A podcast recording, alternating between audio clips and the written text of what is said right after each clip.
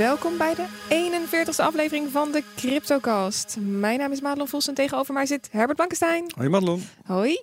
Naast mij staat Boris van de Ven. Hoi. Hoi Boris. En vandaag hebben we een zeer interessante gast. Dat is namelijk Petra Hielkema, directeur vertalingsbekeer bij de Nederlandse Bank. Maar allereerst wil ik graag even onze sponsoren bedanken. Dat zijn bitonic.nl, bitmymoney.com en satos.nl. En we beginnen vandaag met de tweets, maar tevens de disclaimer. Dit is geen beleggingsadvies en niets in deze podcast mag als beleggingsadvies worden beschouwd. Dat gezegd hebbende, Laurens Leeuwens die vraagt in het tweet... Is dit de paniek waar wij op zaten te wachten? We hebben het er vaak over gehad. Mhm. Is dit hem dan? Is die... wat, wat denk je, Madelon? Dit was wel paniek. Maar is dit de paniek? Is dit bloed door de straten? Is dit eh, mensen die, die kosten wat het kost hun crypto moeten dumpen?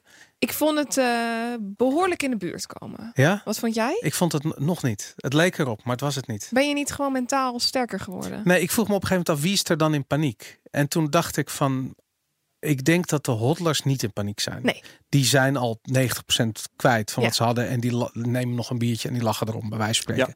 En ik dacht van wie is er dan wel in paniek? Weet je, de institutionele beleggers zitten er nog niet in. Mhm. Wie dan wel? En ik heb het idee dat het de cryptofondsen zijn.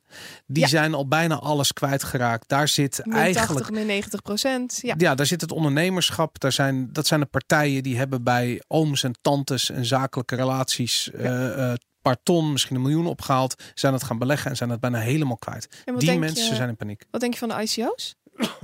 Eh, ik, ik, ik denk eerlijk gezegd dat die, eh, en dat zien we heel erg terug in die prijs van Ethereum bijvoorbeeld. Die, ehm, die zijn al lang en breed, breed bezig met redden wat het te redden Je valt. zag dat eh, Gigawatt failliet was verklaard. eh, Ja, dus dat is eh, precies. Oké, Dus, ja. dus dat, eh, ja, het, het gaat nu niet, niet heel erg de goede kant op. Maar goed, aan de andere kant is dit de paniek waar je als handelaar op zit te wachten.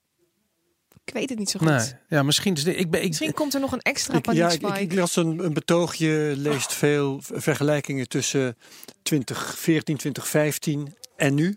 En daar hebben we het over En- 1000 dollar, een prijs die vervolgens instortte Ja, naar Ja. 40. 150. Nee, nou, nou echt onder de 100, ver onder de 100 was het. Eh, ik 60, dacht dat het niet 70. ver onder de 200. Ik las vandaag nog 150 dat het toen was. Volgens mij was het 150 in Ja. eh, 2014. Oké, En ehm, nou dat valt dan nog op het, zich het wel mee. betoog dat ik las zei van de, de eh, finale die er toen kwam, die hebben we nu nog niet gehad. Nee. Aan de andere kant zei datzelfde verhaal ook. eh, het is niet gezegd dat het komt. Ja. Nee, precies. Nee, garanties Helemaal zijn er. Zo'n finale paniek. Maar ik kan me Dus ja, voorstellen dat eh, als die paniek er komt, als, als iedereen in paniek eh, gaat raken, dan zien we eh, Bitcoin toch echt wel zakken tot onder de prijs van, eh, ehm, ja, ik denk eh 1 januari 2017. En dat was denk ik de, de richting de 1000, 1500 Ja, dollar, zoiets. 700 of zoiets. Daar, daar gaan we dan onder. Dat is echt paniek. historisch kijken naar wat, wat zijn er voor achteruitgangen mogelijk geweest tot nu toe. En dan is tot eh, 90, 95 procent is Die zijn denkbaar. behoorlijk. Ja. Ja. Ik heb steeds gedacht, eh, eh, dat blijkt ook uit de, de tabellen die ik heb gemaakt van eerdere crashes. Ehm, de eh, bodem na een piek Ja. is meestal gelijk aan de piek daarvoor. Ja, Ja, klopt. ja, ja, ja. Hè, Ja. dus eh, de, de bodem na de 1000 dollar was in de buurt van de 200. Eh, z- hou ik dan toch nog maar eventjes vol. Eh, de piek daarvoor was 200. Ja. Ja. Dat zou betekenen dat de bodem nu... Ja, ik heb lang gedacht 5000, omdat er voor, medio vorig jaar was er ook een piek 5000. Waarna het terugging naar 3000.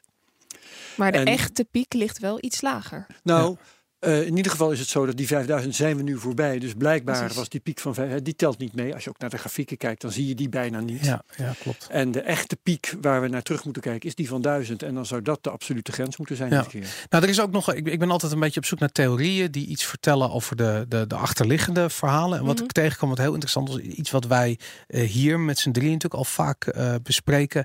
Dat is dat gegeven dat die over-de-counter markt redelijk verzadigd is. Dus er zijn veel kopers die willen OTC of over-de-counter, dus niet via de exchanges, Mhm. maar gewoon via bemiddelaars, eh grote hoeveelheden bitcoin kopen. Ehm, en het aanbod daarvan komt voornamelijk bij miners vandaan. Nou, Mhm, zoals we in dat gesprek met Mark van der Chuis, wat ik nu al voor de tweede keer in de aflevering aanhaal. Hij zegt het ook, wij gaan bovenop onze bitcoin zitten en we gaan het niet verkopen totdat het tenminste een prijs van 100.000 dollar heeft. Ja. Dat hoor je vaker. Dus de nieuwe aanwas aan bitcoin die er is, die komt niet op de OTC-markt terecht. En wat je dus ziet, is dat partijen die bijvoorbeeld zien dat er aan de horizon ETF's aankomen, uh, um, bijvoorbeeld die BACT exchange die, die uh, Bitcoin settled is. Wat betekent dat er grote vraag is naar Bitcoin zometeen. Als je niet de OTC Bitcoin kunt kopen, hoe koop je dan Bitcoin? Nou, via een exchange. Via een exchange. En hoe doe je dat? Door eerst de prijs helemaal de grond in te boren. Ja, en dan pas te kopen. Dit sluit wel aan op de vraag van AH van der Helm. En die zegt: uh, als er zoveel vraag is naar Bitcoin OTC, hoe is het dan in vredesnaam mogelijk dat de prijs niet geleidelijk stijgt? Ja. Dat is dus precies. En waar dit is het antwoord op, die vraag. Ja, inderdaad. Ja, dat is heel interessant. Uh, ik wil nog even terug naar uh, het minen, want we hadden het net over voor wie is nu de paniek. Ik weet niet of jullie op Twitter de filmpjes voorbij hebben zien komen van miners die hun apparatuur dumpen met, met hijskranen en dergelijke. Oh, doen ze het? ja, ze doen het echt. Niet. hebben ze geen marktplaats daar of zo? Ja, ik zei nog steeds op marktplaats. Ik wil ze best Ik wil ze ook wel, ja. Je moet alles geloven wat je aan video's voorbij ziet komen, hoor, denk ik. In ieder geval, uh, even kijken. Hier is een vraag van iemand op Twitter. En die zegt, wat gebeurt er als het prijsniveau van bitcoin voor een langere tijd significant lager is dan de miningkosten? Komt proof of work concept dan in gevaar omdat miners stoppen? Ik denk dat Boris hier een heel duidelijk antwoord op kan geven. Ja, nee, dat komt niet in gevaar. Omdat het, het protocol zo slim in elkaar zit. Dat op het moment dat miners besluiten hun uh, miningapparatuur uit te zetten, het netwerk gewoon meeschaalt. Dus de, uh, het wordt dan makkelijker op dat ogenblik. Ja, de moeilijkheidsgraad gaat naar beneden. Het wordt makkelijker om te, ja, te minen. Dus het blijft ongeveer even ja, interessant om te minen voor alle miners. Of er nou meer zijn of dat er nou minder zijn. Nou ja, kijk, Als, als er miners uitvallen, dan kunnen hè, de bitcoins die dan uh, te krijgen zijn, die kunnen door minder miners worden verdeeld. Dus ja, dan hou je per miner toch weer meer over. Daarom inderdaad. Maar aangezien de bitcoin minder waard is, blijf je dan. Uh, Oké, okay, maar, in die, maar daarnaast, zijn dus compenserende mechanismen. Daarnaast is er nog één. Want Mark van der Scheijs vorige week zei, wij houden de bitcoins gewoon aan. Er zijn dus ook gewoon partijen die niet zoals met goud en zilver gelijk hun goud op de markt brengen. Pardon. Maar die hun bitcoins gewoon aanhouden, omdat ze verwachten dat het meer waard wordt in de toekomst. En op het moment dat jij toevallig net een miner bent die de bitcoins aanhoudt, ja, dan heb je genoeg liquiditeit op voorraad. Dus dan maakt het echt niet uit als je een halfjaartje of een poosje met verlies mindt. Ja, nou ja, goed, je hebt dat gezegde van de markt kan langer uh, irrationeel blijven dan dat jij ja, uh, liquide blijft. Ja, zoiets, ja, Dus, dus wat dat betreft, ik weet niet hoe lang uh, Mark dat volhoudt. Maar vooralsnog, ja, tuurlijk. Dat, de, ik bedoel, we hebben natuurlijk heel veel partijen gehad die afgelopen uh, eind, zeker eind 2017 ontzettend veel geld hebben verdiend. En ja, dat geld is nog lang niet op. En dat, uh, dat dus die, dit gaat echt nog wel even door. Maar wat ook zo interessant is aan die prijs, door die harde crash die we nu gezien hebben, is uh, de kans dat we eindelijk afrekenen met die jaar durende bear market komt steeds dichterbij. Want het voordeel van een bodem, elk nadeel heeft zijn voordeel, mhm. is dat je als je op de bodem zit alleen nog maar omhoog kan. Ja, ja Boris bekijkt het heel positief. Ja, ik, vind, ik vind het leuk. Uh, en toch, uh, we hebben hier uh, ook in deze CryptoCast, je ziet het in de pers, maar ook bij ons, worden voortdurend redenen opgesomd waarom het nou toch echt bijna voorbij zou moeten zijn. Met nou, bitcoin dus, al, ja, met, met we hebben nu dus deze week weer gigantisch ongelijk gekregen. Ja. Dus um, om, om nu te zeggen dat de, de weg omhoog weer dichterbij schroept. Dat is zeker waar. Nou ja, als je op de bodem, als dit niet volgende week. Nee, maar laat ik zo zeggen, als, als die volgende week 500 dollar waard is, als Bitcoin volgende week 500 dollar, en dat is echt een bodem, dan gaan we daarna als een raket omhoog. Ja. Nee, helemaal. Net als dat we als een baksteen naar, beneden gingen. Kijk maar naar de bodem in 2015. 2015 duurde het bijna anderhalf jaar voordat we weer vanaf 2014, 2015 voordat we weer omhoog liepen. En helemaal niet als een raket omhoog. Niks over Bitcoin tot het moment dat Bitcoin weer op hetzelfde niveau was als waar uh, de crash was. En toen kwam er in het nieuws weer, oh, Bitcoin is weer uh, op hetzelfde punt als vanaf het waar het gecrashed is. En daarna kreeg je pas een rally. En dat heeft best wel lang geduurd. Ja, maar echt vooral gevoelsmatig lang, omdat er was onduidelijkheid. Maar wat je ook zag was dat het, het groeide wel 20% per jaar. Maar ja, op 100 dollar is dat natuurlijk die paar tientjes die erbij komen. Dat is niet zoveel. Ja, klopt. En dat, um, dus het, het viel ook niet op. Jij zegt dus nu eigenlijk als het nu 20% stijgt, lijkt het meer omdat het met grotere bedragen gemoeid gaat? Of? Nou, en de, de, eh, de, de markt is groter. Dus 20% groei op een dag zorgt misschien wel voor 10% groei de dag daarop. Omdat mensen zoiets hebben van, hé, hey, wordt bitcoin weer wakker. Ja. En in 2015 waren er, die, die hele, dit bestond helemaal niet. Je had, je had drie uh, en een halve werkende exchange. Dit was, Boris, ik moet het nog zien. Ja, nee, ja, absoluut hoor. Ik bedoel, uh, nou, ik het heb, is ook maar mening. Ik heb hier nog een andere vraag van Don Tron. En die zegt, hoe kan de bitcoin toekomst hebben als er crypto cowboys zijn die zulke grote hoeveelheden bitcoin hebben? Dat zij altijd de koers kunnen manipuleren. Ja, Gaat het niet vraag. tegen het idee van bitcoin in? Ja, dat is natuurlijk gaat het tegen het idee van Bitcoin in. Maar Ja. aan de andere kant, die mensen gaan op een keer. Iedereen heeft zijn prijs. Die mensen gaan een keer uitstappen. En eh, eh, als jij eh, bij wijze van spreken, eh, ik, ik denk. Ik, Nou, dat ik- weet ik niet, Boris. Ik heb juist het gevoel dat ze nu expres de koers aan het drukken zijn om heel goedkoop in te kunnen kopen Ja. en om stakjes de bitcoins duurder aan hun klanten aan te kunnen ja, bieden. maar, Kijk, als maar je dat een zijn andere aan partijen. bitcoins hebt, Ja, dan kun je zeggen je moet een keer uitzetten, maar dat moet je helemaal niet. Want ehm, eh, je, rijk, je bent rijk zat. Ja dat denk je totdat je rijk bent. Nee, maar eh, macht is eh, op dat niveau meer waard dan geld. Ja, ja maar de, laat ik zeggen, de mensen die dat zien, ik weet niet of dat dezelfde partijen zijn. Kijk, de partijen die nu go- groot kopen, dat zijn niet meer de, de, de mensen met 100.000 bitcoin vanaf het eerste uur. Daar zijn er misschien, eh, weet ik het, acht van, tien van in de wereld. En die zijn gewoon langzaam, wat je nu ook met het hele Bitcoin Cash verhaal ziet, dat zijn gewoon twee partijen die ontzettend veel bitcoin hadden. Misschien wel eh, Roger Verder van werd gezegd die 150.000 bitcoin had. Jian Wu had er meer dan 100.000, die heeft ze omgezet in Bitcoin Cash. Eh, eh, eh, Craig Wright heeft ontzettend veel bitcoin. waarschijnlijk ook het merendeel nu verbrand in die rare oorlog die ze gevoerd hebben. Dus zo zie je van ja, uiteindelijk ego is altijd groter dan geld. En op, vroeger of later, alles en iedereen heeft zijn prijs. Wat, wat het ook is. Of het nou macht is, je hebt gelijk. Of dat het gewoon dollars zijn, dat kan ook. Maar ergens, die mensen, die, dat, dat verwatert op een gegeven moment. Nou, ik denk dat de vraag van, eh, van Dirk Verbaan hier wel op aansluit. Die zegt namelijk, is het raar om te denken dat de koersval veroorzaakt is doordat grote beleggers gedropt hebben en veel negatief nieuws verspreid hebben.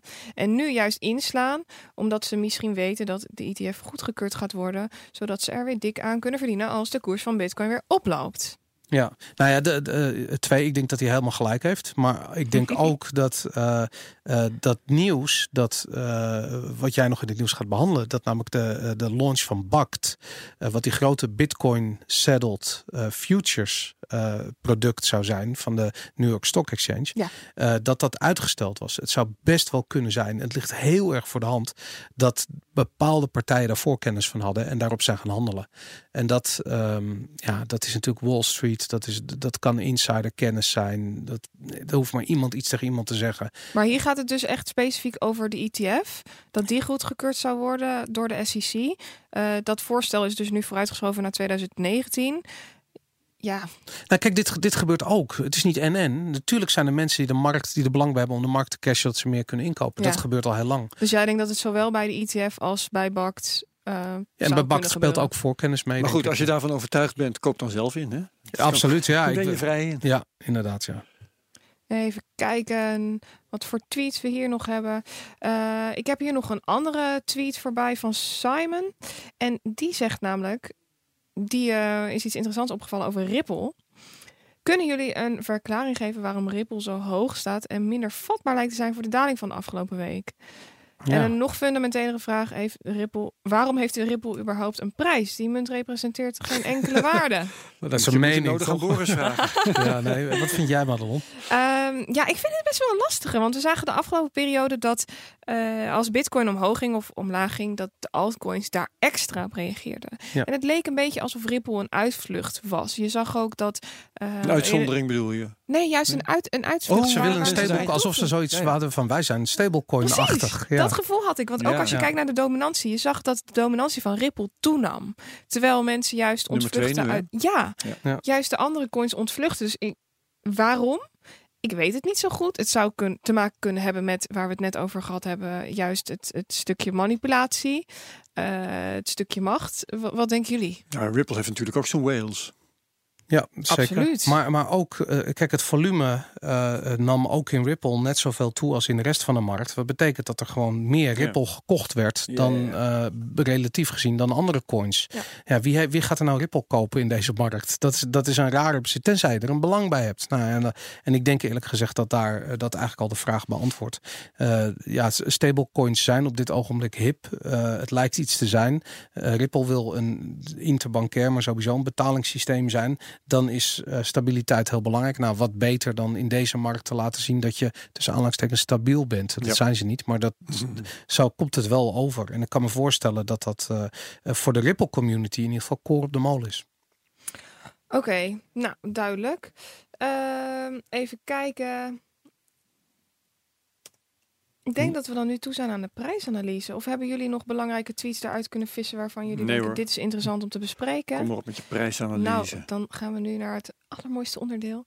Ehm, even kijken hoor, waar zijn we nu inmiddels? We ik weet niet of het zo mooi is. Dat Toen ik vanochtend de deur Ik ben uitging, benieuwd dacht wat je ik te van... vertellen hebt. eh, Ja. Nou ja, ik vind, het, ik vind het nog steeds prachtig om, eh, om naar de grafiek te kijken, ondanks dat die nu een beetje negatief is. Eh, als ik nu naar de grafiek kijk, hangen we rond de 4417 dollar. Ik heb eh, toevallig gisteravond een video gemaakt op YouTube waarin ik zei: ik verwacht nog een kleine bounce opwaarts. En ehm, dat kan richting de 4500 ongeveer gaan. En daarna is er een grote kans dat we weer neerwaarts gaan. En we zien nu ook dat ja, er, er is heel weinig kracht in de markt. We, we zien dat het volume ietsje toegenomen is, maar dat heeft met name te maken door de paniek. En we hebben op dit moment eh, ja, eigenlijk maar één steun nog over. En die ligt eh, op de plek waar we nu ongeveer zitten, rond, eh, even kijken, 4000, 4400 ongeveer. En daaronder hebben we nog rond de 3580 een mooie steun. En rond 4060. Dus we hebben nog wel wat steunpuntjes, maar heel veel meer is er niet over. Hoe groot is de kans dat we naar die 3500 gaan? Die kans is aanzienlijk. Ik heb geen eh, percentages die ik erop los kan laten, maar die kans is, is, is behoorlijk groot als ik nu de markt bekijk. Wat ik wel nog moet zeggen, ik eh, zag een tweetje van Willem Middelkoop voorbij komen van de week. Dat hij aan het kopen is. Ook, hij is inderdaad aan het kopen. Hij zei daarnaast, eh, hem viel op dat de RSI op het laagste niveau zat op de daily sinds, eh, nou, bijna ever ongeveer. Volgens mij was het eh, 2014 of 2016, zoiets. Ik pak het er nu even bij. Ik denk dat het 2013 geweest is. En ehm, hij zei, ja, dit is een, eh, een moment om te kopen. Maar dat was op de daily. En als ik hem dan op de weekbasis erbij pak, dan eh, hebben we echt nog wel eventjes te gaan. Want dan zitten we nu gewoon heel netjes nog in het 30-70 kanaal. En is er eigenlijk nog helemaal geen paniek. En de laatste keer dat de RSI op de weekly heel laag stond, was 23. En daarna zijn we nog 50% gehalveerd. Als we het punt van de RSI nu pakken ten opzichte van waar we nog naartoe zouden kunnen, zouden we dus nog 50% vanaf kunnen. En dan zitten Kijk. we echt wel ver onder die 3000 inderdaad. Ja. Ja, dan zitten we ruim onder de 3000. Maar dan komen we toch in de buurt van wat Boris net zei, helemaal aan het begin eh, van de uitzending, dat het echt niet vreemd zou zijn als we terug zouden gaan naar de vorige top of naar de nou ja, richting de 1000. Ja. Ehm, nu wil ik niet te negatief doen, maar die optie is in ieder geval altijd. We moeten wel eventjes afwachten wat het nieuws nog gaat doen. Ik denk dat dat een hele belangrijke is om ook eh, ja, de uitspraak van de SEC eh, in de gaten te houden en BACT en de ETF. Want dat Ja. heeft natuurlijk een heleboel te maken met manipulatie. En dat kun je op basis van een grafiek niet, eh, niet inschatten. Ja, ik zat toevallig een verhaal te lezen van iemand die zei van, maar je moet er wel rekening mee houden dat het volle maan is. En markten over het algemeen bij volle maan, maan beter, eh, of eigenlijk dan, dan zijn er trend reversals bij volle maan. Ja. Wil je wel geloven dat ik dat wel eens heb geprobeerd? Oh ja? Je, Ik was je echt hebt, geïntrigeerd. je hebt een indicator waarbij je de, de patronen van de maan, dus volle maan, halve maan en ja, de- dat kun je dus loslaten op de grafiek en dan zie je ook echt de maandjes op de grafiek. Maar ja, Ik ga meteen een Het het geitslag. Maar Daarom, ja. Er groeit vast wel iets in het bos ergens wat we nog niet geprobeerd hebben. Ja. laten we gaan beleggen. Herbert, zou jij eh, willen beginnen met jouw eh, Nee. Stand? Uh-oh. Oh. Is Nou, het zo erg? vertellen. Ja, ik sta op 176 dollar. Wauw, je bent door de... Eh, eh, door de, zo. 200, de psychologisch belangrijke 200 dollar grens gezakt. maar echt. Die is Bodem. psychologisch zo belangrijk dat ik hier Voelt het verder als helemaal- paniek al? Eh, nee, want ja, eh, jeetje, ik heb eh, om, sinds jij terug bent gegaan in 100% bitcoin, denk ik van, nou ja, dan hou ik maar aan mijn altcoins vast. Want dan hebben we dat tenminste, dan monitoren we dat tenminste. Dat is, Ja. dat is leuk. En eh, nou ja, stoer doen eh, en heel veel winst maken, zit er toch niet meer in. Nee, nee. Dus eh, zoals jij met je tron laatst zei, eh, ik, eh, ik kijk er maar niet meer naar. Dat heb ik nu eigenlijk ook. Ik kijk er maar niet meer naar, Ja. behalve elke week als ik mijn stand moet doorgeven. Ehm, dit is het. 176, rokende puinhopen. Nou, ik, ik ben nog niet door die, eh, door die psychologisch belangrijke 200 dollar grens heen. ik had vorige week 204 274 dollar 35 en nu 228 dollar 19. Mm. En dat is alleen maar met bitcoin inderdaad. En eh, eh, ja, wat Madelon net al zei, als dat waar is, dan ga ik volgende week dus ook waarschijnlijk door die psychologische grens van 200 dollar heen. Je bent welkom. Heel interessant. Ik sta nu op eh 770 dollar en 20 cent. Bij mij is er bijna 100 dollar van afgegaan. Oh nee, 100. eh 24 dollar van afgegaan ten opzichte van vorige week. Excusez-moi.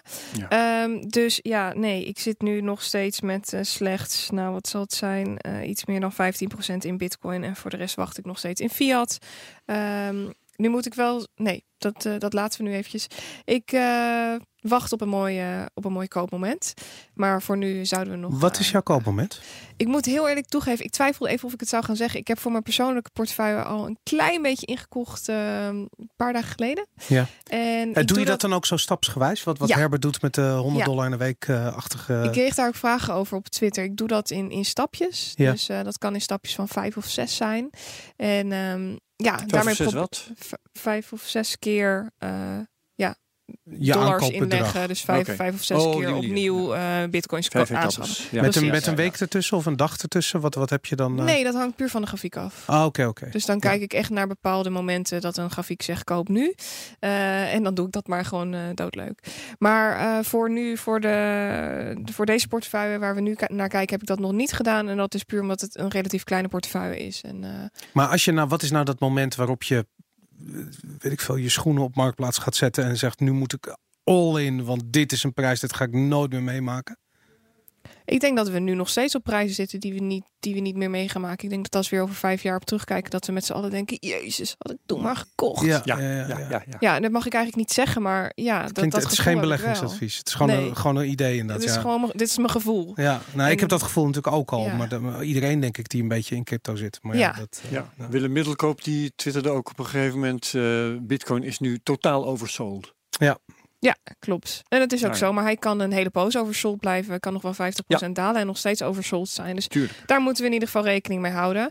Maar eh, ja, ik, ik acht de kans groot dat we weer rustig aan eh, omhoog gaan. En dat kan best een jaar of twee, drie, weet ik, weet ik het wat duren.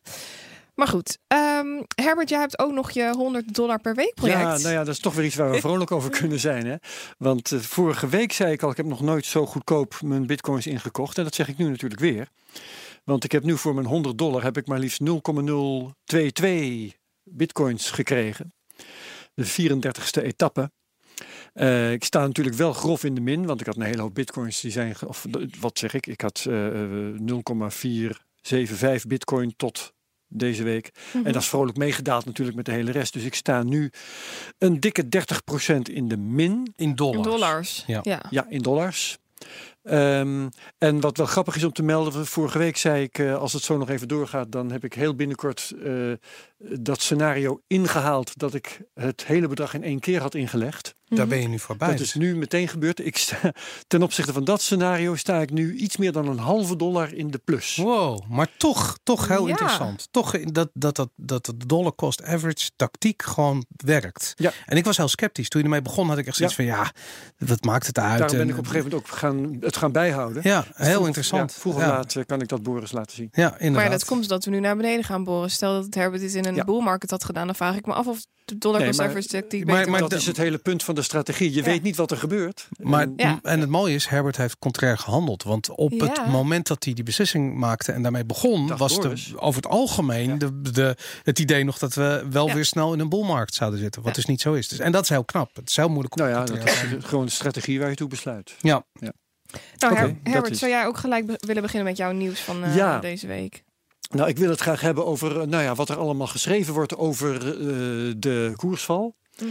En dan gaat het mij vooral om de extremen. Ehm, die rijk vertegenwoordigd zijn. Dat is nou net het opvallende.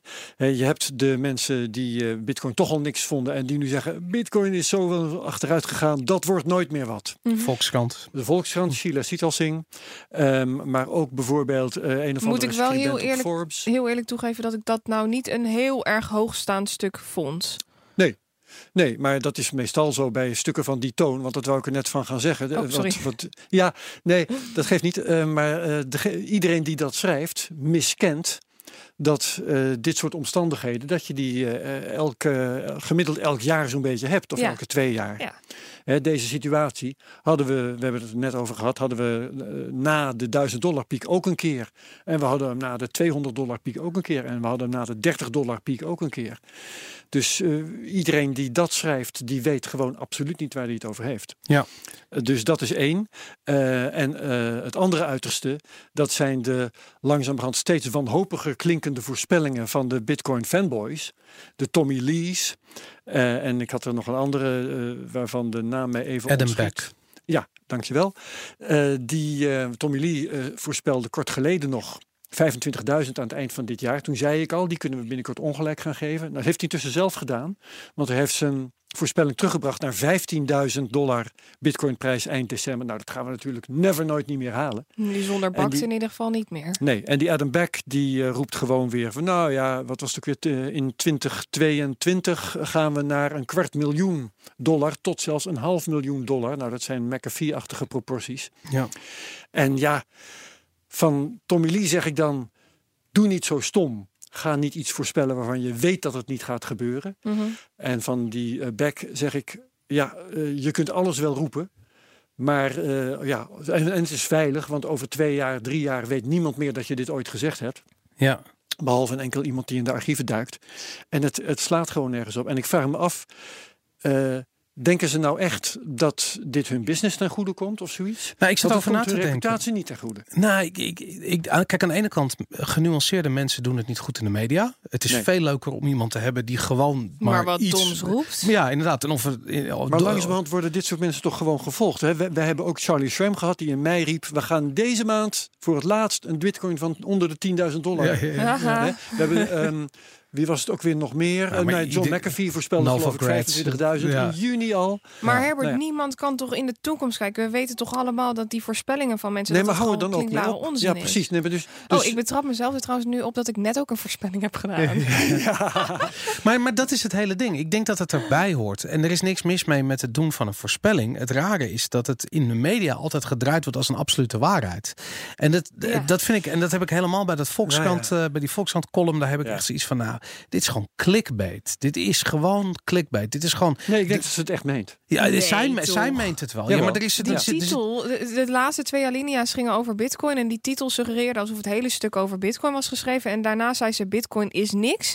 En ik vraag me echt af: Bitcoin is niks als betaalmiddel? Of als, als store value? Of, of als, als, als wat is Allemaal. Bitcoin Ik, durf jullie te beloven dat dit al een tijdje terug eh, geschreven is. Op de plank lag, niet gepubliceerd durft het te worden. En nou ja, die markt gaat zo in elkaar. Weet je wat, we hebben dat nog liggen. We gaan dat nu deze week publiceren.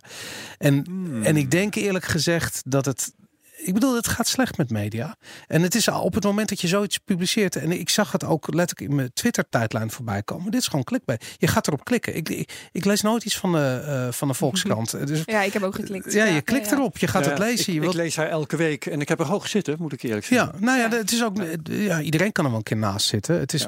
Ja, het- ik weet niet. Ik, ik denk echt serieus. Dit zegt wat over hoe media werkt. En ik heb ze. Ik weet niet of jullie dat hebben, maar ik heb altijd op het moment dat je verstand hebt van een onderwerp. Hè, ik heb dat bijvoorbeeld met videogames of nou ja, nu met, met, met, met Bitcoin. Als je dan. Dan merk je hoeveel onzin er wordt Dan, verkocht. daarom. Ja. En dan weet je gewoon van dat is echt niet alleen maar in die onderwerpen waar ik het toevallig zie. Dat gebeurt overal. Dat is ook zo. En dit is gewoon een onderwerp waar we met z'n drieën verstand van hebben. En dan zie je dat in de media heb je zoiets van hoe kan het toch? Jan Kuitenbrouwer heeft een keer de prachtige woorden geschreven van alles wat er in de krant eh, staat, is er ergens iemand die weet dat het niet waar is.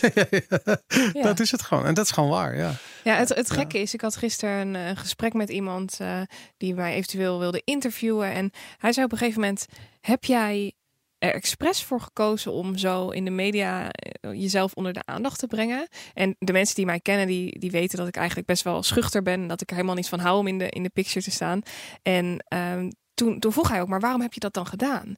En in, in dat moment kwam ineens bij mij naar boven. Er was zo'n lek aan informatievoorziening op dat moment dat ik dacht: ja, jongens, als niemand hier wat aan doet, dan doe ik het zelf wel gewoon. Verontwaardiging. Ja, Ja, ja. Ja. Dat, dat was het echt. Dat, Ja. dat, dat, dat gewoon, het ging alleen maar over koers. En ook nu, als je, als je Bitcoin intypt op Google, dus het enige wat je krijgt, Bitcoin eh, lager dan, eh, ja, het, Ja. het gaat alleen maar over koers. En het heeft een vliegwiel-effect. Op het moment dat je begint te praten over Bitcoin en, en, en Maar goed, we hebben het nu ook over de en- koers. Daarom inderdaad. Ja. Dat, dat is ook zeker Maar waar. en voor je het weet zit je overal. Dus je kiest niet eh, ergens voor. Maar media is ook op zoek naar die verhalen en die uitgesproken meningen. En dat, eh, het wordt wel uitgelicht in ieder geval. Ja. Maar het is in- absoluut een- interessant. Misschien moet ik een aflevering maken over bitcoin in de media. Of Dat crypto is in een de goed media. idee. Ja, lijkt dat me is een leuk. goed idee. Ja. Boris, jouw nieuwtje. Mijn nieuwtje gaat, eh, is eigenlijk een beetje een treurig verhaal. Er zijn, eh, eh, vorige week kwam naar buiten, Amnesty International meldde dat, eh, maar ook enkele Iraanse kranten. Eh, vooral kranten die eh, erg trouw zijn aan het regime. Die eh, hadden grote verhalen over twee Iraanse goudhandelaren. Die zijn geëxecuteerd. Ehm, en dat we hebben ze gedaan omdat natuurlijk de, de, de Italiaanse, of de Italiaanse, de Iraanse currency, de rial, die zit erg in een, in een vrije val naar beneden. Ehm, dat betekent dat mensen massaal op zoek zijn naar store of value, store of wealth. Goud is nog altijd, je hebt daar een soort gouden munten, die zijn erg populair. En deze handelaren die werden ervan beschuldigd dat ze eigenlijk een beetje de markt naar hun hand zetten. Het waren grote jongens. Eh, die, zijn die zijn dus geëxecuteerd. En wat ik er zo eh, fascinerend aan vind, is het, eh, de, de veranderende context. Ik bedoel, het is ondenkbaar dat eh, eh, wij hier straks in Nederland bijvoorbeeld niet eh, iets zouden kunnen verhandelen. Terwijl er in andere landen, ja, hang je gewoon aan de galg. En we zitten straks zitten we natuurlijk met, met Petra Hilkema, die verantwoordelijk is voor betalingen in Nederland vanuit de Nederlandse bank.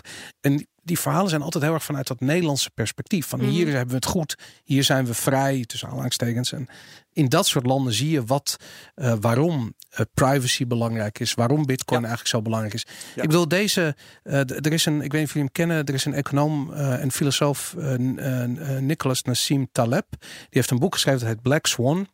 Het gaat erover dat ons, ons lot, ons succes, of wat ook eigenlijk altijd gedefinieerd wordt door de dingen die we niet zien aankomen. En hij heeft daar een theorie en die heet de, de kerstkalkoen-theorie. En de kerstkalkoen heeft een opgaande eh, lijn in de gewicht en in welvaart. Het gaat heel goed met de kalkoen tot die ene dag voor kerstmis. En dat is een situatie die die niet ziet Ja, aankomen. bijvoorbeeld eh, 9-11. Dat, zou een, dat is een Black Swan. Nou, dit is een Black Swan event voor deze handelaren. Deze waren, eh, deden het heel erg goed. Ze zijn gepakt met twee ton aan goud. Dus Ja. ze, waren, ze hadden honderden Op miljoenen zak. omgezet. Op zak, daar hadden ze thuis liggen. Ze hadden honderden miljoenen hebben ze omgezet. Ze hebben ontzettend veel geld verdiend. Het waren echt die kerstkalkoenen die gewoon geslachtofferd zijn voor dat regime. Om te laten zien van wij eh, trekken hier een streep in het zand. Want onze economie moet gered worden. En niet meer door deze parasieten kapot gemaakt worden. In plaats van dat de overheid, de Oh, Iraanse overheid zelf de verantwoordelijkheid Ja. neemt voor, die, eh, voor dat economisch eh, klimaat. En dat, is, dat, dat, dat vind ik zo interessant. Weet je, dat op het moment zodra je uitzoomt. En ja, deze mensen hebben, waren niet in staat om uit te zoomen. Maar als je uitzoomt en je denkt van wat als dat in Nederland ooit gebeurt? Wat als wij op een gegeven moment in te maken krijgen met een veranderende context. Waarbinnen dingen niet meer zo vanzelfsprekend zijn zoals ze nu Ja. zijn. Ja, want het is wel heel erg sneu. Als ik nu kijk naar de inflatierate, eh binnen een jaar is de rial 65% gedaald Ja. in waarde.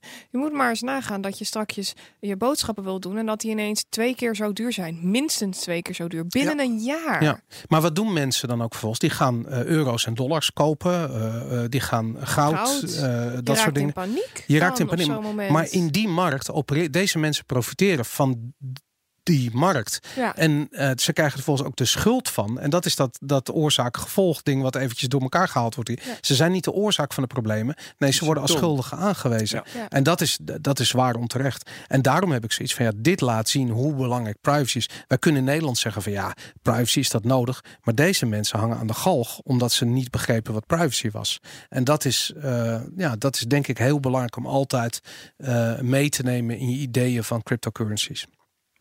Nou, dan komen we bij mijn nieuws. En dat gaat over Backed, Backed. We hadden het er net al even over.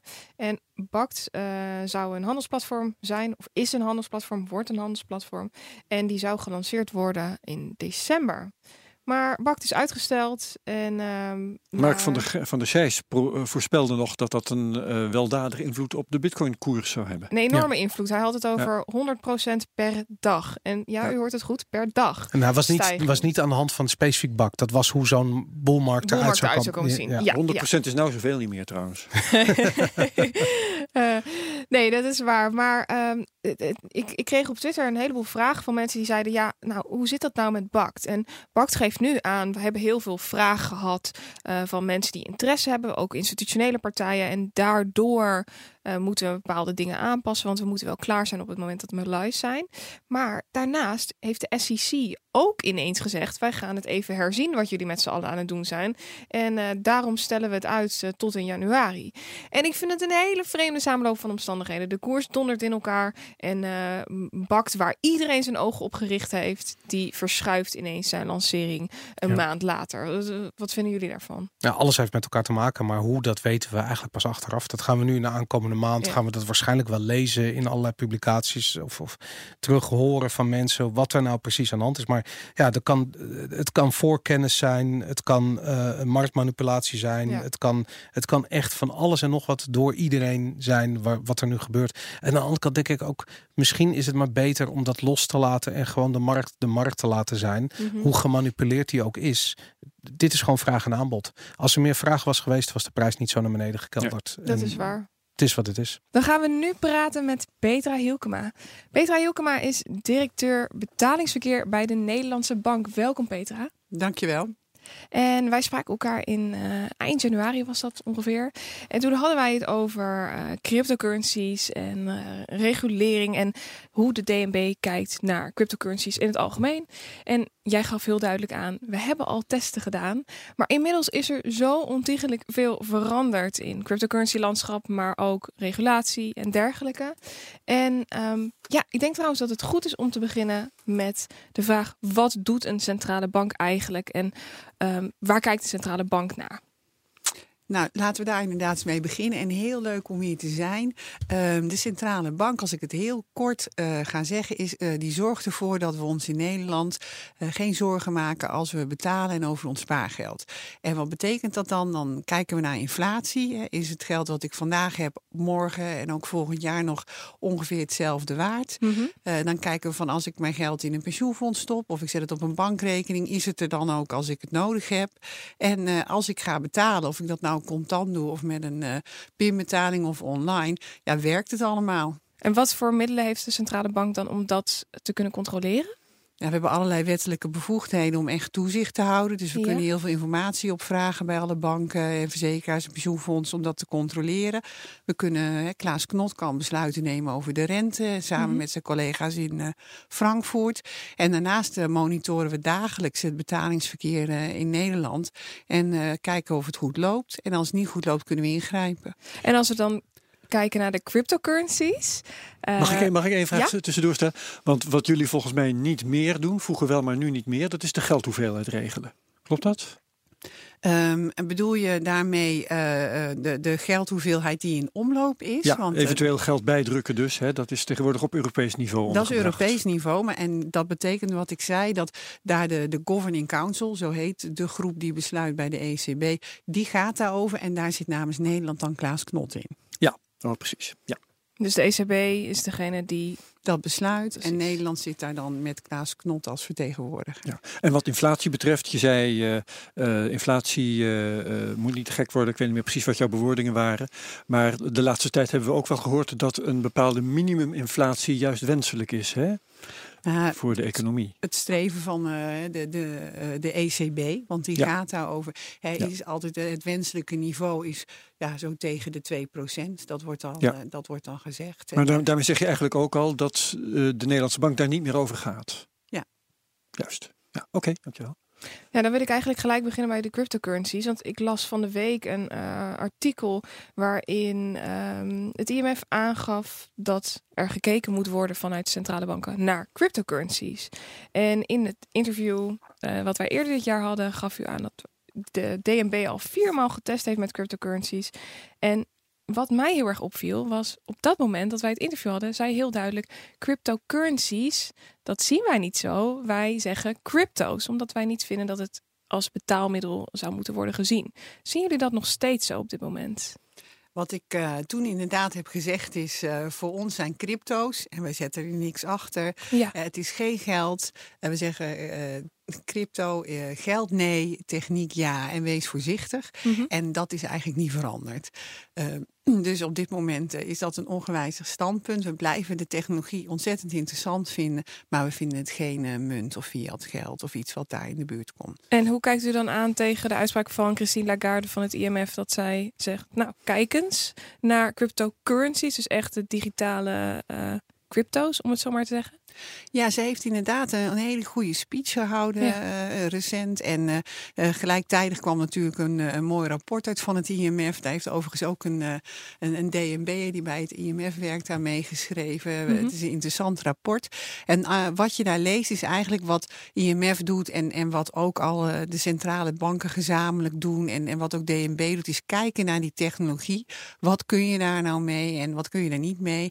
En het rapport zegt eigenlijk, er is geen universele universele reden om, om een, eh, een crypto uh, uh, te introduceren in een bepaald bankenlandschap. Maar wellicht zijn er redenen per bankenlandschap of per uh, omgeving. En die redenen kunnen verschillen. En de twee die ze noemt is een, echt een hele forse terugloop van contant geld. Nou, daar zijn de Zweden denk ik wel een voorbeeld van. Mm -hmm. of landen waar betalingsverkeer echt niet functioneert.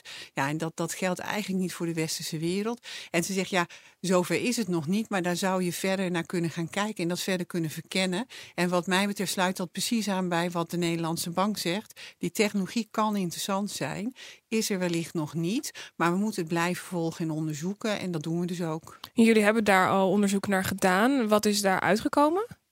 Ja, daar hebben we ook uh, een keer, ik denk in, in rond de zomer ook een keer een bulletin over gepubliceerd. Die kun je mhm. vinden op onze website.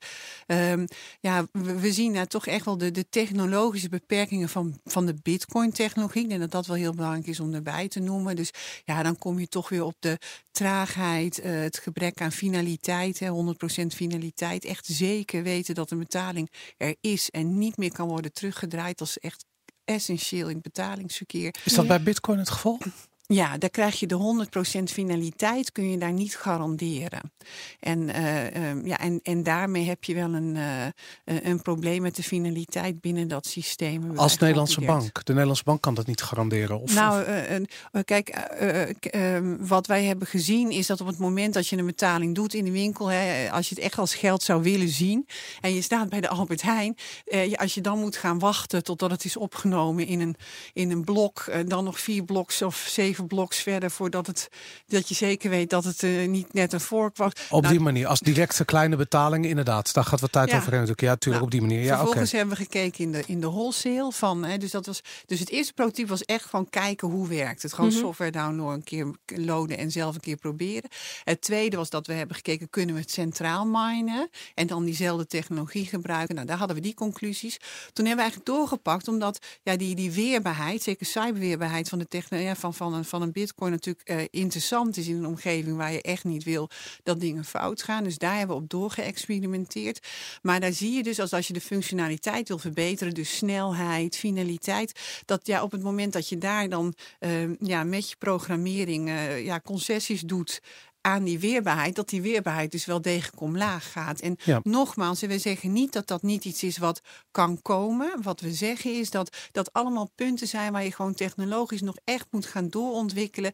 Wil je komen op een punt dat het beter is dan wat we nu hebben. En zijn jullie daar nu ook mee bezig, met dat doorontwikkelen? We zijn op dit moment niet meer zelf met, uh, met die technologie, met nog een prototype bezig. Mm -hmm. we, we, we, willen daar iets, iets meer gaan kijken naar uh, andere ontwikkelingen die we nu ook zien. Maar wat we blijven doen is, uh, ja, we worden regelmatig gevraagd voor partijen in de markt om mee te kijken bij uh, ja, uh, variaties waar zij mee bezig zijn op DLT. en we spreken veel met ja, grote banken, ook buiten Nederland, en met veel met centrale banken, die ook aan het kijken zijn wat daar kan. DLT zei u net, dat is ja. Distributed Ledger Technology dus. Ja, dat okay. klopt. En dat zeg ik heel bewust, omdat wat wij in ieder geval in de financiële wereld zien gebeuren, is dat eigenlijk andere DLT's, bijvoorbeeld Ethereum, op dit moment meer aandacht krijgen. Ook vanuit de, uh, ja, de mogelijkheden die dan smart contracts bieden. Uh, en, en dan ook nog eens in een gesloten vorm. Dus ook een quorum of een corda zien we nu gebruikt worden. Om te kijken uh, wat daarmee kan. En ja, wat kan daar dan mee? Nou, dan zien we nu dat er uh, veelal wordt gekeken naar de mogelijkheden aan de wholesale kant. En dat is eigenlijk een moeilijk woord voor het interbankaire verkeer. En dan gaat het om grote bedragen die dus meestal ook nog eens over de grens heen uh, ja, uh, betaald worden. En, uh, en, en ja, kijken welke efficiëntieslag je met nieuwe technologie daar kan bereiken. Dus daar zijn jullie mee aan het experimenteren, moet ik dat zo opvatten? De Nederlandse bank is op dit moment daar geen prototype op aan het bouwen. Maar wij zijn wel uh, intensief in gesprek met uh, ja, andere centrale bankcollega's. En, uh, en soms ook met, met gewoon ja, partijen in de financiële wereld die daarmee bezig zijn. En wij volgen dat. En we zijn nu bezig met een afweging welk prototype wij dan volgend jaar weer zouden willen ontwikkelen. En dat is dus vooral ingegeven door welke technologie willen wij nu beter kunnen begrijpen. Omdat we het moeten beoordelen of dat we daar een gesprek ja. over moeten voeren. En, en hoe gaat dat? Ik ben, ik ben heel benieuwd hoe dat intern dan eraan toe gaat. Hebben, eh, zijn dat meetings waarbij er voorstanders van Cardano zijn die, het, die de, de voorstanders van Ethereum in de haren vliegen? En de heftige discussies. Zoals dat in, in cryptoland vaak gaat natuurlijk. Nou kijk, uh, ik denk dat bij de centrale bank wij sowieso altijd heel rustig Snap blijven. ik, ik overdrijf een beetje. Maar.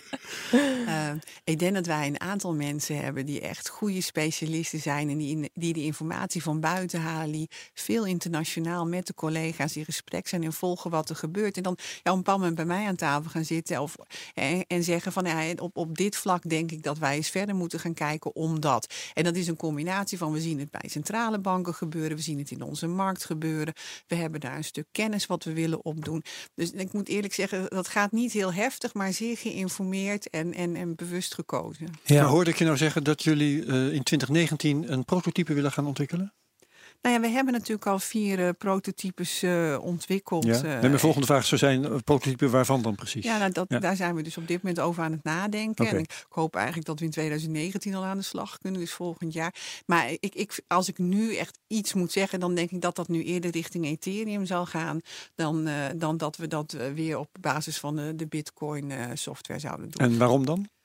Nou, wat ik eerder al aangaf, omdat we dat op dit moment meer gebruikt zien vanwege worden. smart contract. Uh, ja, vanwege de smart contracts in de partijen waar wij mee spreken, waarvan wij denken dat dat dan relevant is voor de financiële wereld. Ja, en dat ja. is dan op DNB-niveau, waar, waar, ik ook wel benieuwd naar ben, uh, als je daar iets van weet, wat voor gedachten leven er, wat voor experimenten vinden plaats op uh, ECB-niveau? Nou, um, de ECB, en nogmaals, wij zijn echt onderdeel van een stelsel van centrale banken. Ja. Dat is de ECB. Dus uh, wij zijn ook ECB. Dus we okay, hebben ook mensen ja. in werkgroepen die daar meekijken. Ja, en en uh, dat sluit eigenlijk aan bij wat wij doen. En uh, ook zij kijken gewoon naar de. Ja, wat, wat, welke ontwikkelingen zien wij? Wat kunnen we doen? Um, en ik denk dat een ontwikkeling die op dit moment ook wel de interesse heeft, is de, is de interoperabiliteit. Dus wat je ziet in de, het gebruik van de technologie op dit moment op basis van DLT, die gaat veel meer inderdaad weg van munten, maar meer naar digitalisering en een, een nieuwe efficiënte vorm wellicht. Nou, efficiëntie is heel belangrijk in het betalingsverkeer, dus hè, dat, dat heeft wel onze aandacht. En uh, wat je dan ziet is dat op basis van DLT steeds meer gesloten systemen ontstaan. Um, en als je dan nadenkt over betalingsverkeer, gaat het altijd om betalen tussen systemen. En dan komt de vraag, werkt dat? Nou, en dat werken noemen wij interoperabiliteit. Dus de interoperabiliteit tussen oude techniek en DLT, maar ook tussen twee verschillende DLT's, dat is iets wat ook onze aandacht heeft. Ja. ja. Oké. Okay. Ja, sorry, wat wilde je zeggen? Nee, uh, niets. Ik dacht dat jij met de volgende vraag zou komen. Ja, je spreekt hierbij dus echt over het uh, communiceren van verschillende DLT's samen. Uh, terwijl Bitcoin eigenlijk een reactie geweest is op ja, ja, het falende systeem, om het zo maar te zeggen. In 2008 ging het volledig mis en kwam er iemand met een opzet omtrent Bitcoin, waarbij de middelman weggenomen zou moeten worden. hoe kijken jullie daarna? Ik ben heel erg benieuwd of jullie een toekomst zouden zien waarin de middelman wegvalt. Want in principe zijn jullie een soort van middelman. Toch tussen betalingsverkeer tussen personen uh, is een, een uh, bank een middelman. Uh, hoe kijken jullie daarna? Want in principe zouden bepaalde fronten weg kunnen vallen. Nou, dat is, een, dat is een mooie vraag. Die komt ook heel vaak op natuurlijk hè, in de crypto-discussie. Ja. Er zitten een aantal delen aan. Kijk, het, het, ten eerste het, het paper van Satoshi en zijn idee en de belofte om, om, om iets op te zetten wat volledig zelfstandig draait. Ik denk dat inmiddels tien jaar later is dat het niet geworden. En zie je eigenlijk steeds meer een gesprek ontstaan tussen ja, de crypto-believers, maar ook uh, en, en, centrale banken en toezichthouders. En mhm. moeten we niet eens iets samen doen? Hè? We hebben twee weken geleden hadden we bij de Nederlandse Bank een zaal vol mensen voor de deep dive van Dutch Chainers. dus we gaan ook graag die dialoog aan. Dus ik denk dat, en los daarvan zie je ook binnen blockchains, hè, ook bij Bitcoin zie je toch ook de mining. Het, hè, je ziet een centraliserende beweging. Uh, hier. En ik denk dat dat hoort bij het karakter van betalen. Want je wil een efficiëntieslag bereiken. En daar zit op een of andere manier toch vaak een centrale partij bij. En ik zeg altijd, als je in een, in een klas met schoolkinderen geld gaat inzamelen, dan zie je toch vroeg of laat een klassenpot ontstaan. er zit iets van centraals in efficiënt betalen. Dus, dus dat is één. Um, hoe kijk je dan naar het bankenlandschap en deze nieuwe technologie? En dan wordt vaak de suggestie gewekt dat uh, het feit dat er nu een nieuwe technologie is, hè, waarvan we zeggen wellicht interessant, dat Mhm. dat dus nu de reden is om hoe wij ons financiële wereld in hebben gericht, helemaal moet veranderen. Nou, en, en daar zou ik voorzichtig zijn, want die koppeling zie ik niet. Um, uh, in Amsterdam, uh, eh, 50 jaar geleden, was de snelheid van de beurs echt afhankelijk van hoe hard de jongens konden fietsen met de briefjes waar de handel op stond. Hè. Inmiddels zitten mensen gewoon achter grote schermen en hebben het over uh, microsecondes. Hè, dus, dus efficiëntieslagen door technologische vernieuwing in, in betalen is van alle dag. En wellicht gaat dit ook wat brengen. Maar dat is niet een reden om de manier waarop we ons bankenlandschap hebben ingericht volledig op de kop te zetten. Mhm. Gaat de centrale bank ook niet over. Dat is een besluit van Den Haag. Nou, wil je daarna gaan kijken, dan, dan zijn er heel veel facetten die je mee moet nemen in de afweging. Uh, hoe gaat dat dan met uh, uh, een mogelijke bankrun? hoe gaat het dan met monetair beleid? hoe gaat het dan met gewoon kredietverlening? He, je, je, je verandert heel veel dingen. En in die zin zeggen we als Nederlandse Bank, we kijken heel kritisch naar dat voorstel. En uh, we zien uh, enorm veel aspecten die je dan heel zorgvuldig moet overwegen. En we zeggen niet dat je dat niet mag doen. Mm -hmm. Maar uh, voordat we al die overwegingen hebben gemaakt en uiteindelijk dan Den Haag tot een besluit zou moeten komen. Dat gaat nog heel lang duren en, en moet echt wel iets brengen wat beter is. Want ja, er is een financiële crisis geweest, absoluut. En tegelijkertijd kon tijdens die crisis iedereen in de winkel betalen. Dus het betalen aan zich liep. En dat, dat gebeurt toch op een basis van een systeem wat wereldwijd zo is ingericht en historisch is gegroeid. Dus het is ook wel iets, voordat je dat verandert, moet je echt iets beters hebben. En dat vraagt om een hele zorgvuldige besluitvorming. Verwachten jullie dat cryptocurrencies of crypto's in de toekomst een systeemrisico zouden kunnen vormen? Nou, wat we daarover zeggen als Nederlandse bank, maar ook internationaal, is dat op dit moment vormen crypto's geen uh, systeemrisico. Ze vormen ook geen prudentieel risico. Mm -hmm. Dat is een moeilijk woord voordat banken zelf wellicht in de problemen zouden komen. Als bank zelf.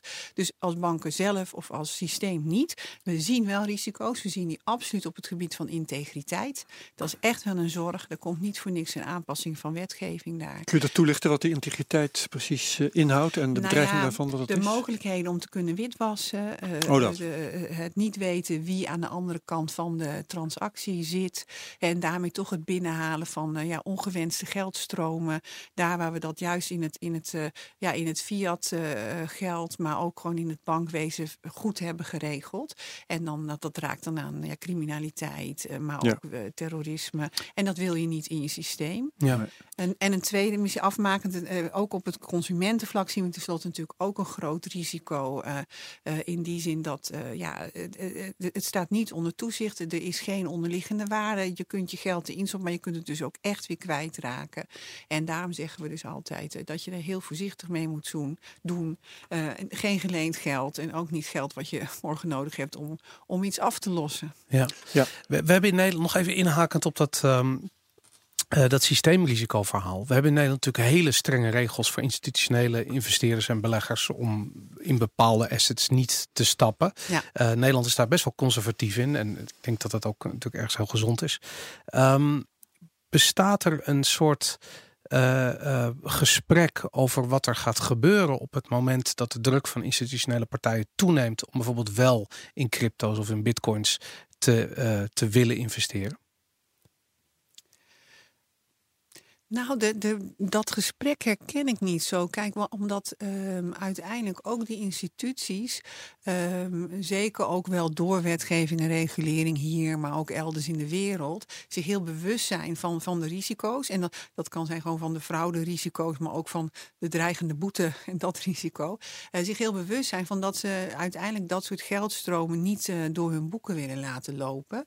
Dus uh, die druk op die manier en, en, en wat we daaronder doen. En dat plaatje, zeker op dit moment, herken ik niet. Um, de, uh, de, zorg zit hem echt nog op het, op het punt dat we ja, buiten ons toezicht natuurlijk wel dat soort uh, ja, geldstromen in de cryptowereld uh, zien gebeuren. En ook daarom waarschuwen natuurlijk ook consumenten, maar, maar ook gewoon de Nederlandse markt voor het feit dat dit risico echt een, gewoon wel een, een serieus risico is in die crypto-omgeving op dit moment. Ja. Die natuurlijk ook de goede initiatieven raakt. Hè. Ik zeg niet dat daartussen niet initiatieven zitten die gewoon mensen zijn die op een, op een nette manier bezig zijn om iets met een nieuwe technologie te doen. Maar het vervelende op dit moment is dat er ook een heleboel tussen zit wat niet wenselijk is. Ik, ik heb er zo'n dubbel gevoel over. Aan de ene kant zie ik de innovatie um, en ik zie mensen worstelen met regelgeving. Aan de andere kant zie ik uh, beleggingsfondsen uh, meer dan 98% van hun waarde verliezen in, een, uh, in de markt waar we nu in zitten. en ik heb zoiets van ja, dat, is, dat, dat, dat neigt naar oplichting. Daar grenst het een beetje aan. Um, hoe, hoe, is het, hoe is het in de praktijk om te werken met die twee hele extreme. Die heel, dat is een ontzettend gepolariseerde situatie. Waarin aan de ene kant innovatie gewoon schreeuwt om vrijheid en om de mogelijkheden hebben om te, te ondernemen. En aan de andere kant er al nu al in deze hele vroege fase al best wel veel het geld uh, op het spel staat. Vooral veel geld van beleggers bijvoorbeeld. Hoe, hoe, en ik probeer dan een beeld te krijgen van dat is natuurlijk waar de Nederlandse bank echt een centrale rol in neemt in die discussie. En ik ben heel erg benieuwd hoe jullie dat zien en hoe dat dan, hoe zo'n proces eigenlijk gaat en waar dan uh, de belangrijkste, waar het gewicht eigenlijk het zwaarst ligt.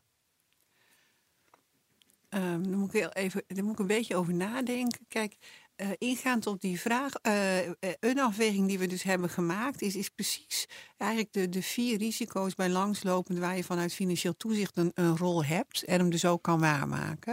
En dan heb je die financiële stabiliteit en dat prudentiële risico. Daar zeiden wij, hè, zeggen wij ook van, daar zien wij de risico's op dit moment niet. Hè. je zegt grote volumes in verhouding tot het geheel valt dat wel mee. integriteit hebben we het net over gehad, absoluut. Consumenten en, en de mate waarin ze onverstandige dingen uh, mogelijk doen. Dat risico zien wij ook. Um, misschien in brede zin de vraag van hoe ga je dan centrale bank om met enerzijds toch een, ja, een behoudende attitude, geen ongelukken, uh, uh, voorkomen van, van risico's en tegelijkertijd ja, het, het, het toestaan of, of ruimte geven aan technologie, innovatie, en waar je soms ook eens moet kijken hoe het loopt. Hoe, hoe doe je dat nou? En waar, hoe we dat proberen op te lossen is eigenlijk tweeledig. We hebben enerzijds um, gewoon een innovatiehub. Daar, daar kunnen mensen bij ons terecht in een vroeg stadium. We roepen ook echt op om dat te doen. Uh, ik, ik, zeg regelmatig, uh, nou, als er dan uh, wetgeving is waar je aan moet houden, of als wij zorgen hebben, ja, als je die in een heel vroeg stadium hoort, dan ben je waarschijnlijk ook nog wel zo slim dat je het kan meeprogrammeren. Dus dan zijn we in één keer klaar, iedereen blij. Um, en tegelijkertijd um, hebben we dan ook nog een sandbox, waar je eigenlijk nog weer met maatwerk kan kijken hoe we bij elkaar kunnen komen binnen de letter van de wet, maar in ieder geval meer dan binnen de geest van de wet. Hè. Dus het doel van de wet bereiken op een andere manier. Daar kunnen we naar kijken. Daar zijn ook wel partijen actief.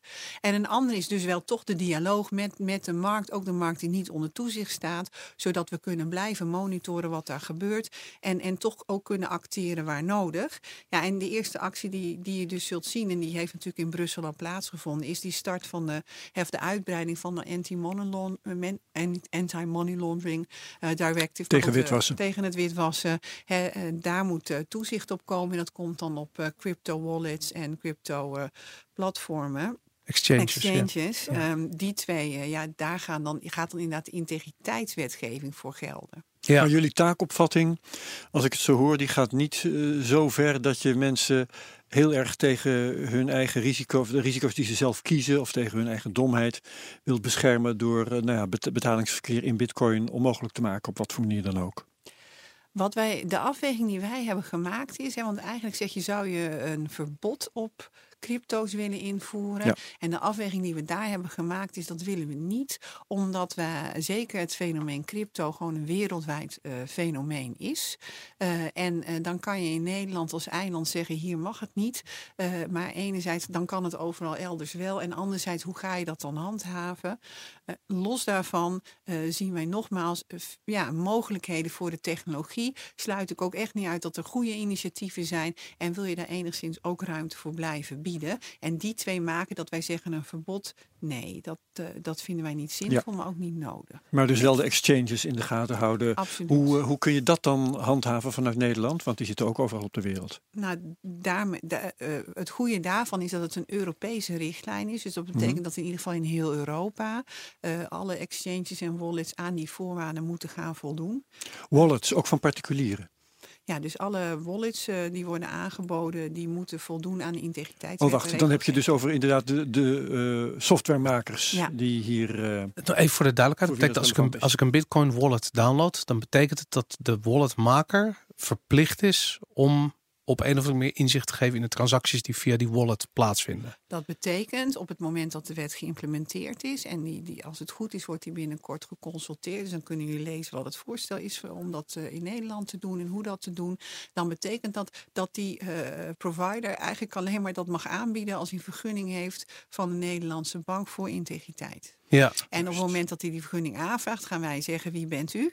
Wat zijn uw processen? Hoe weet u wie uw klanten zijn? Hoe weet u waar de geldstromen vandaan Ja. komen? en omdat het een eh, richtlijn wordt en eh, die is nog niet eens in die consultatiefase, zitten we aan het begin van een procedure die nog wel een paar jaar kan gaan duren, als ik het zo hoor. Nee, de richtlijn zelf is op Europees niveau al aangenomen. Dus Oh, dat, wacht. dat is een feit. Eh, maar de implementatie in Nederland, omdat de richtlijn is, werkt die niet direct. Moet die eerst worden opgeschreven in een Nederlandse wet. In lokale Nou, wetgeving. en, en, ja. en dat gebeurt op, ja, en dat moeten onze ministerie, eh, ministerie dan altijd eerst nog consulteren voordat het eh, verder kan. En, en dat moment zit er aan te komen. Maar de wet zelf kunt u al zo op de Europese Commissie website vinden. ja. Daar zou ik graag eh, mee willen afsluiten. Petra Hilkema, heel erg bedankt. Boris bedankt. Herbert bedankt. En Zo. natuurlijk de luisteraar. Marlon Vos, Bedankt vergeten. ja.